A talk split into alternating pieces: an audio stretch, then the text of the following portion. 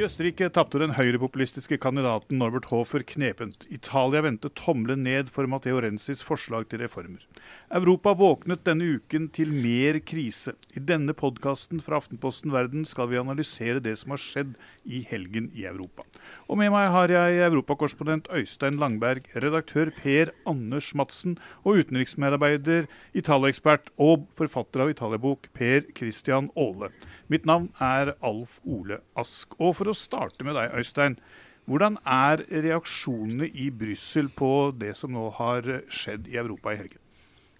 Nei, altså Det var jo veldig gode, positive reaksjoner på det som skjedde i går kveld. Altså i går ettermiddag, da det ble klart at, at den grønnes kandidat vant valget, presidentvalget i Østerrike. Altså, dette er jo altså, først og fremst symbolsk, det valget i Østerrike. Han har jo ikke veldig mye makt, den østerrikske presidenten. Og de færreste kan vel si navnet på den utgående presidenten, f.eks. Um, men, men, det ble feiret som, som, som en seier etter, etter, etter Trump og, og, brexit. Uh, så det var stor spenning til det. Men hva da med folkeavstemningen i Italia? Det kan vel utvikle seg til å bli verre for EU? Ja, altså, Der er det jo mye mer reell politikk. Eh, og mye mer sånn sett som står på spill. Det var jo ikke symbolsk i det hele tatt. Der var det jo konkrete, store reformer som, som man skulle ta stilling til. Eh, men, men, men det, er ikke, altså, det, er ikke, like lett å tolke den italienske folkeavstemningen inn i en sånn eliten versus folk. Eh, dette var utgangspunktet noe statsministeren ønsket å gjøre for å gjøre det litt lettere å styre landet. Eh, og i 2014, da, da, han satte i gang denne ideen, så så det ut som om dette skulle gå igjennom.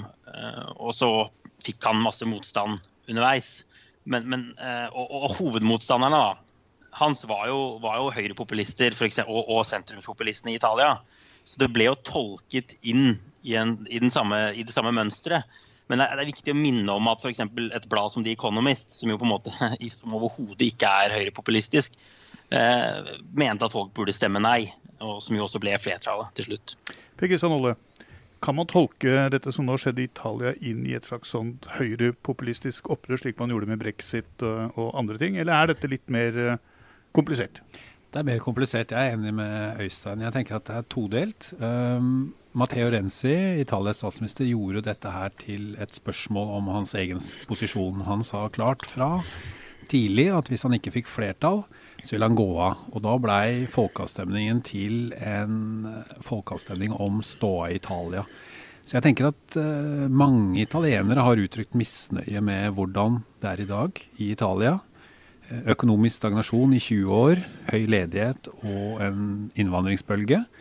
Men så er det også mange seriøse sentrumspolitikere, eksperter, forskere som har uttrykt skepsis til denne til denne reformen fordi at eh, Italia etter andre verdenskrig fikk en grunnlov som eh, etablerte eh, maktbalanse for å hindre at man fikk en ny Mussolini.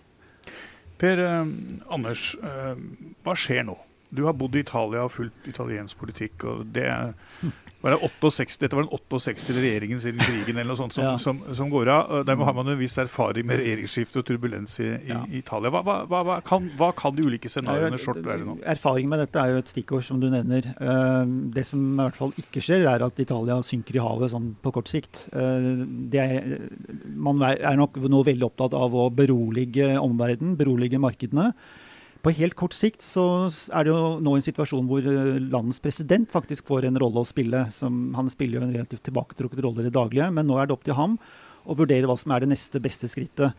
Og på kort sikt så vil han da, og dette får vi en avklaring på relativt raskt, vil han da enten uh, gi uh, Altså han kan i prinsippet be Renzi fortsette en stund til som uh, leder for en midlertidig regjering. Han kan be en annen fremtredende figur fra hans eget, altså fra Det demokratiske partiet til Renzi overta. Eller han, kan, eh, eller han kan gå for en såkalt teknokratregjering, som får et begrenset uh, politisk mandat, selvfølgelig, men som, som, vil kunne styre landet videre og berolige verden om at uh, landet tross alt er i, i, trygge hender. Dette har Italia ganske gode erfaringer med både på 90-tallet og fra de senere årene etter at Silvio Berlusconi kastet håndkleet for, for noen år siden. Så, så, så det, er det, det, er det, som skjer på kort sikt. Det, det egentlige dramaet her, eh, som vi har vært inne på allerede, ligger jo da i de mulige langsiktige konsekvensene. At det settes i gang en slags politisk kjedereaksjon som gjør at disse populistiske bevegelsene får mer vind i seilene, eventuelt vinner et uh, nyvalg som kan komme på et eller annet tidspunkt, og, og den uvissheten som da uh, følger kjølvannet av uh, det. Nå skal det være valg innen neste vår, altså våren 2018. ikke sant? Eh, men Per Kristian, eh, kan dere bare fortelle oss litt grann, hva er denne femstjerners eh, bevegelsen som man kaller sentrumspopulister? Ja, eh, Femstjernersbevegelsen er en protestbevegelse, eh, og riktig kalt en sentrumspopulister. Eh, de ønsker økt demokrati, bl.a. avstemning gjennom via internett. Og de vil, kanskje det viktigste, at de vil ha en folkeavstemning om Italia fortsatt skal være en del av euroen. Og eh, femstjernersbevegelsen kniver om å være på meningsmålingene kniver om å være Italias største parti. altså Det ligger vel omtrent som nummer to. Men eh, jeg er ikke så sikker på om, om dette vil føre til at eh, femstjernersbevegelsen kommer til makten. Fordi at eh, før denne folkeavstemningen eh, i går, søndag, så hadde Renzi fått vedtatt en ny eh, valgordning. Eh, men han var så sikker på at han eh, kom til å vinne denne folkeavstemningen, at denne valgordningen gjelder kun for det ene kammeret i nasjonalforsamlingen. Det er jo slik at Italia har et tokammersystem. Og denne grunnlovsendringen som Renzi ønsket, ville føre til at det ene kammeret blir fratatt mesteparten av makten. Mens det kammeret som ville beholde makten, eh, det gjelder denne Eh, denne valgordningen for. Eh, og Det den valgordningen gjør, er at den gir et voldsomt styringstillegg til det partiet som vinner. Men det blir jo helt meningsløst å ha en valgordning som gjelder kun den ene kammeret i nasjonalforsamlingen. Og det første en overgangsregjering må gjøre, er å skrive en ny og lage en ny valgordning. Og det det spekuleres i, eller det man diskuterer nå i Italia, er at man istedenfor å gi ett parti et styringstillegg, så vil, man gjøre det til en, en vinne regjeringskoalisjonen. Eh, og på den måten vil man i praksis sette eh, sperre for at eh, femstjernersbevegelsen kan komme til makten. Nettopp fordi den ikke greier å skape seg noen allianser som gjør at den blir en ja. bredere, bredere ja. uh, allianse. Men er man ikke da litt tilbake det samme som du i, hadde i Storbritannia i forhold til UKIB og parlamentet, som du har i Frankrike i forhold til nasjonalforsamlingen? At det nå på en måte blir valgreglene som holder en del av disse populistene ute, og at de får en betydelig fol folkelig støtte som da ikke reflekteres i deres oppslutning? Mm, ja, deres representasjon? Ja, det kan du si, men både òg. Men man skal også huske på at det er jo ikke slik at, at det vil være noe nytt at populistene kommer til makten. Altså eh, Lega Nord, eh, som er mer etter hvert blitt et klassisk høyrepopulistisk parti, har jo sittet i regjeringen i Italia under, eh, med Berlusconi som statsminister. Men eh, Per Anders, du har skrevet eh, flere kommentarer om disse tingene knyttet til høyrepopulismen. Eh, tror du nå at både den såkalte eliten og høyrepopulistene kommer til å påberope seg de resultatene som har skjedd i helgen, og si at dette viser at opprøret lever, dette viser at de fikk rett, osv.? Ja, jeg, jeg, tror at de vil prøve å tolke resultatet på den måten, og at de vil prøve å utnytte det, den nei-seieren som, som nå kom. men men uh, jeg er helt enig med det som Per Christian var inne på i sted, at dette er litt mer sammensatt enn som så. så, så det er uh, altså meget, uh, meget anerkjente konstitusjonseksperter og, og, lignende som har advart mot de mulige konsekvensene av den reformpakken som nå led nederlag. Og det, som vi også var inne på, er det jo klare historiske røtter i Italia som gjør at man er skeptisk til å styrke den utøvende makt på, på grunnlag av den lovgivende makten. Og i tillegg kommer dette med den veldig sterke regionale identiteten i det landet. slik at dette at man skulle svekke regionens maktinnflytelse, uh, har også møtt en folkelig motstand uh, i Italia, åpenbart. Så, bildet er mer, er mer sammensatt. Så, så, på ditt spørsmål så vil jeg vel kanskje si at veldig mye vil avhenge nå av, av det videre forløpet. Om, om en sånn uh, midlertidig regjering vil være i stand til å eh, kunne vise til bedre økonomiske resultater, eh, f.eks. Altså hele situasjonen som Italia er i, vil jo være med på å bestemme hvordan dette løpet går videre. Men det er ingenting til med at de kommer til å, altså høyrepopulistene og sentrumspopulistene kommer til å prøve å bruke dette valget. Ja, det og, og, tolke det inn i en, en sånn trumpsk, brexitsk, Le Pen eh, bølge som skyller over. Det, det, ser vi allerede uttales som tyder på. Og vi så så spørsmålet om, om, det er det, da. Og vi så Lega Nords leder Matteo Salvini. Han tvitret uh, etter at det ble klart at uh, det ble nei i folkeavstemningen. Så tvitret han 'Viva Trump, viva Putin, viva La Pen, viva La Lega. Han har jo reist ut på valgmøte med en sånn blå, altså ikke rød, men blå, blå caps. Eh, så det er jo ikke tvil om at eh, disse kreftene har prøvd å suge energi fra det vi har sett eh, med Trumps seier, og også i andre land i Europa. Men Øystein, dersom det skulle bli en folkeavstemning i Italia om euroen, hvor skadelig vil det være for euroen? Eh, det tror jeg vil, altså det vil være ganske skadelig for euroen. Det kommer jo an på utfallet og, og selvfølgelig hvordan det ser på målingene på forhånd. Introducing Wondersuite from Bluehost.com.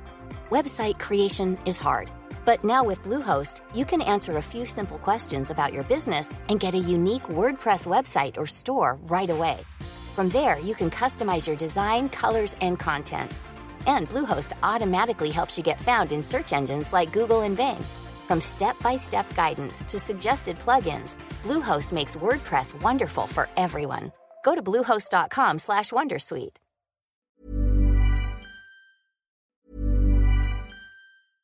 Introducing Wondersuite from bluehost.com. Website creation is hard. But now with Bluehost, you can answer a few simple questions about your business and get a unique WordPress website or store right away. From there, you can customize your design, colors, and content. And Bluehost automatically helps you get found in search engines like Google and Bing. From step-by-step guidance to suggested plugins, Bluehost makes WordPress wonderful for everyone. Go to bluehost.com/wondersuite. Ikke bare en folkeavstemning i seg selv, og at man legger en valuta nærmest ut til, til, til votering på den måten eh, være skadelig? Jo, det er, det er, all grunn til å forvente at det vil, at det vil skape en enorm usikkerhet eh, fremover. Og at det vil være skadelig. Og det er noe av det de frykter mest i Brussel. At kan bli utfallet. Eh, men, men, vi ser jo f.eks. på markedsreaksjonen i dag at de har vært ganske små. Så, så det, det, viser vel at veien til denne folkeavstemningen og et eventuelt eh, nei til euroen er ganske lang. Altså, det er ikke noe markedene frykter veldig i dag. og det forklarte jo Per Kristiansen ganske godt at, eh, at selv om f.eks. femstjernesbevegelsen skulle bli størst parti, så betyr ikke det automatisk en folkeavstemning om, om euroen. Og det er vel også slik at uh, meningsmålingene, i hvert fall de siste jeg har sett, så er det fortsatt et flertall i Italia både for euro og for å fortsatt være medlem av, av EU. Hvis ikke så må de jo hente Roma-traktaten hjem fra Roma, hvor den ligger uh, vel forvart. Uh, så, sånn at, sånn at italienerne er vel fortsatt å regne som europeere? Absolutt. jeg har lyst til å snakke litt om økonomien også. jeg tenker at det er veldig viktig. Det var hele bakgrunnen for at Renzi prøvde å få vedtatt disse reformene. Det er jo at Italia har hatt økonomisk stagnasjon i 20 år. Eh, det er jo et av de landene i verden som har hatt eh, lavest økonomisk vekst. Eh, og samtidig så har de et bankvesen som er vaklende. Verdens eldste bank, Monte de Pasque di Siena, må hente inn 5 milliarder euro, 45 milliarder kroner, innen året er omme. Og pga. de politiske urolighetene som denne folkeavstemningen nå har ført med seg, så kan det hende at det blir stoppet. Og eh, det kan være alvorlig. Eh, hele den italienske banksektoren er neddynget med, med lån som misligholdes. Og, eh, og, hvis dette her skulle spre seg, og man skulle få miste tilliten til bankvesenet, så kunne det bli veldig alvorlig. Og det kunne også spre seg til hele eurosonen. Ja, jeg kan bare si det. Altså, jeg kikker på noen tall om altså, hvor dårlig det har gått i Italia. Dette er altså et land som har, har hatt dårligere vekst enn Hellas siden 1995. Eh, og det er også interessant å se at for Spania, som har gjort en del reformer, eh, og som har vært litt i samme bås som Italia, eh, faktisk kommer til å gå forbi Italia, Italia i år i levestandard. Og det er da første gang på mange hundre år at Spania er, altså, har en høyere BNP per capita da, enn Italia. Så det kan jo hende at det at hvis det kommer en debatt, da, at de også må se til nabolandene og ikke bare, bare legge skylda på på EU. Det kan hende gå an å vise at Spania kan være et eksempel på at det går an å lykkes også innenfor EU. Altså, det, det, det, disse økonomiske poengene er jo også veldig viktige for å forklare hvorfor det gikk som det gikk ved selve avstemningen. Fordi Renzi har jo altså Hans hovedbudskap og hovedvalgløfte, da han ikke valgløfte, men løfte da han kom til makten for drøyt uh, snart tre år siden, var jo nettopp å bringe ny vekst tilbake til Italia. Uh, og det har han uh, ikke greid. Nå har han prøvd å argumentere med at han trengte denne grunnlovsreformen for å kunne bane vei for de reformene som i neste omgang kunne gi vekst, men det er et, et, et type resonnement som ikke har nådd fram til velgerne. Men hvilke reformer er det han ikke klarer å få gjennom, gjennom dagens uh, ordning, og som gjør at han må ha en reform. Og hvis du ser på spørsmålene han har stilt, så er det liksom sånn Vil du støtte ditt, datt, datt for å oppnå altså Det er jo ikke et spesielt klart spørsmål av typen vil du bli medlem av EU eller ikke, slik vi har hatt folkeavstemninger om i Norge. Dette er jo uh, en ganske innviklet greie. Men hva, Kan du gi noen eksempler på hva han ikke klarer å få gjennom? Altså, no, noe, man, noe, man, har prøvd i Italia i veldig mange år, er jo bl.a. å få gjort noe med, med arbeidsmarkedet, uh, som har vært veldig strengt regulert. Har, der har de jo de har, de har, fått inn noe, både, både Renzi og hans forgjenger har jo fått inn noe, men det, det er fortsatt det er fortsatt ett område som man peker på som man må, må få gjort store endringer for å få større vitalitet inn i, inn i, inn i økonomien. Eh, og, innenfor utdanningsvesenet er det også noe som, eh, som trekkes frem. Og så er det veldig mye knyttet til eh, maktfordeling mellom, altså kompetansefordeling mellom sentralforvaltning og de regionale myndighetene. hvor man hvor det, og Der tror jeg sikkert Per Kristian har gode eksempler å fylle på med, men, men som viser hvordan disse gråsonene og uklar kompetanse gjør det vanskelig å bygge ut infrastruktur, energiforsyning, den type ting, som, som, da blir en veldig veldig tungvint prosess i Italia. Og Mye av dette styres jo av regionene, og, og det har jo vist seg å være veldig korrupt. Altså, og veldig, og det har jo vært, EU-kommisjonen har jo lagd eh, oversikt over hvor mye det koster å, uh, å, gjennomføre offentlige prosjekter rundt omkring i Europa. og Da viser det at i Italia så var det jo utrolig dyrt, også på grunn av, og mye av det er pga. korrupsjon. Men til det du også sa om om, om Renzi og reformer, at dette var nødvendig for å gjennomføre reformer. Et av hovedankepunktene fra sentrumspolitikere som er skeptiske til disse, denne grunnlovsendringen, har jo vært at Renzi har klart å få gjennom ganske mye med dagens eh, system. At han sånn sett ikke trenger en grunnlovsendring. Eh, og det hører jo med til bildet at eh, denne grunnlovsendringen eh, som italienerne stemte over i går, søndag, den ble faktisk vedtatt i begge kamrene med stort flertall i eh, nasjonalforsamlingen. Men det fikk altså ikke nok stemmer til at det kunne vedtas kun på den måten. og Derfor måtte det ut til folkeavstemning. Så han klarte jo faktisk å drive dette gjennom. altså. Men folkeavstemningen i Italia er jo da bindende og ikke rådgivende, slik som de er hos oss. slik at Dermed så falt hele eh, forslaget, selv om det da var flertall for det i nasjonalforsamlingen. Ja, hadde han, Men hadde han bare hatt noen få representanter ekstra, så hadde det vært vedtatt. Og da hadde han ikke trengt denne folkeavstemningen. Og Det viser jo at, man, at han klarer å få gjennom tunge reformer altså, i dagens system. Men eh, det er ett emne vi ikke har berørt i det hele tatt, og som også jeg har sett mange har snakket om har spilt en rolle her, og det er nemlig flyktningstrømmen. Altså I hvor stor grad uh, har denne flyktningstrømmen og dette at Italia i perioder har følt seg uh, forlatt av EU og måtte sitte og håndtere uh, deler av denne flyktningstrømmen, hvor mye har sånne ting spilt, spilt inn her, Per Christian? Det er absolutt viktig. og det er jo sånn at Lenge så var jo det, det man kaller den såkalte Libya-ruten veldig viktig. Eh, og Det er jo da at eh, flyktningene og migrantene kommer med båt fra Libya til Italia. Og Så så vi i fjor at flyktningstrømmen ble flyttet, og da kom de fra Tyrkia til Hellas. Men så er den blitt stoppet, og nå er det tilbake igjen til Libya-ruten. Og Det er ganske betydelig antall migranter som kommer. Og det at, at de andre europeiske landene nå har blitt så restriktive og stopper migranter fra å reise videre nordover, gjør at det er langt flere migranter blir værende i Italia enn tidligere. Ja, Det har åpenbart vært viktig, og det ser man også på hvordan Renzi prøvde å håndtere det i, i valgkampen nå. fordi Han uh, la jo veldig vekt på at, uh, at, resten av EU har latt Italia i stikken i dette spørsmålet. Ikke får nok hjelp, ikke får nok assistanse. De stengte grensene nordover gjør det veldig vanskelig å håndtere dette for, for italienerne. Eh, sånn at eh, han har jo stått opp og, og skjelt ut sine EU-kolleger for det, dette forræderiet, da. Eh, Uh, nettopp for å kunne skape et bilde av seg selv i forhold til de italienske velgerne, at han står veldig opp for, uh, for Italias interesser. Så, så det, det, måten han håndterte dette spørsmålet i valgkampen, viser jo at dette har vært et viktig, et viktig spørsmål. Men, uh, men det, det, det, nådde likevel ikke gjennom for, for ham, da. Men det må jo sies at han, altså, han langt på vei har rett. Og, altså, Italia og Hellas er jo ganske ja, overlatt til, til, til, sine egne problemer. EU har jo vedtatt denne fordelingsmekanismen hvor de da skulle hente 160 eh, 000 migranter, eller flyktninger, da, folk som, med, som antageligvis vil få asyl fra Hellas og Italia. og Det er jo bare hentet noen få tusen. Og Jeg var jo også på grensa til eh, oppe ved Komosjøen der tidligere i år mm. og møtte noen svært sinte naboer som hadde fått et, et svært flyktningmottak rett utenfor, rett utenfor døra. Og Det er jo en veldig annen situasjon nå enn det var bare for noen år siden. Eh, nettopp fordi det er ingen som kommer seg videre, eller veldig få som kommer seg videre. Før ble det jo mer eller mindre vifta, vifta gjennom Italia.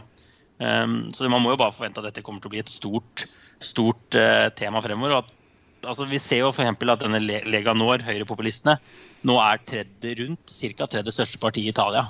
Uh, og det er jo også noe som kan ha noe betydning ved neste valg. altså Hvis du får et kjempestort en femstjernersbevegelse og et stor Lega Nord, da kan det bli interessant å se hvordan de skal klare å styre landet.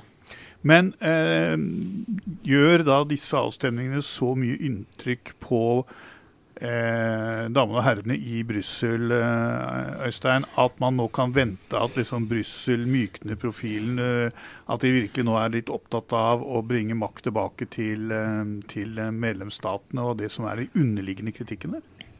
Altså, det er jo ganske stor uenighet her. Altså, ser du på f.eks. Donald Tusk, som er president altså, i EUs råd, EU-rådet, så, så, ser det jo veldig sånn ut. Eh, der ser det ut som om man lytter til, lytter til bekymringene. Eh, og, og, En annen viktig aspekt er om Italia skal få lov til å bruke mer penger. Altså Man skal slakke opp litt på disse EUs budsjettregler. Og Man må vel forvente at man, man, kommer til å se det fremover. De er jo helt nødt til å, å, å gjøre noe og, og, begynne å lytte til disse signalene som kommer fra, fra medlemsstatene det var også, også et godt poeng. Altså, hvis vi går tilbake til Østerrike, han får 47-48% eh, høyrepopulisten. Det er kun i 2016 at det vil bli hyllet som et kjemperesultat for, for EU-integrasjonen i Europa. Når nesten halvparten stemmer på, stemmer på han. Det er et godt poeng. Og det var eh, et av de dystre perspektivene da, som avsluttet denne, eh, denne podkasten. Og det var dette vi hadde i denne ukens utgave av Aftenposten Verden. Du kan eh, følge oss på Twitter og Facebook. Kom gjerne med tips og innspill. Aftenpostens utmerkede utenriksjournalistikk finner du på alle plattformer døgnet rundt.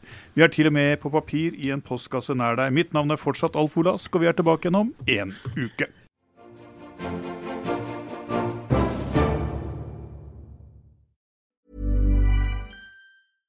Selling a little or a lot?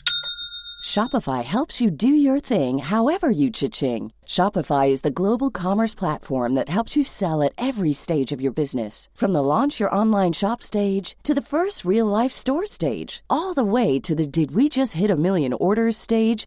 Shopify is there to help you grow. Shopify helps you turn browsers into buyers with the internet's best converting checkout. 36% better on average compared to other leading commerce platforms because businesses that grow grow with Shopify. Get a $1 per month trial period at shopify.com/work. shopify.com/work.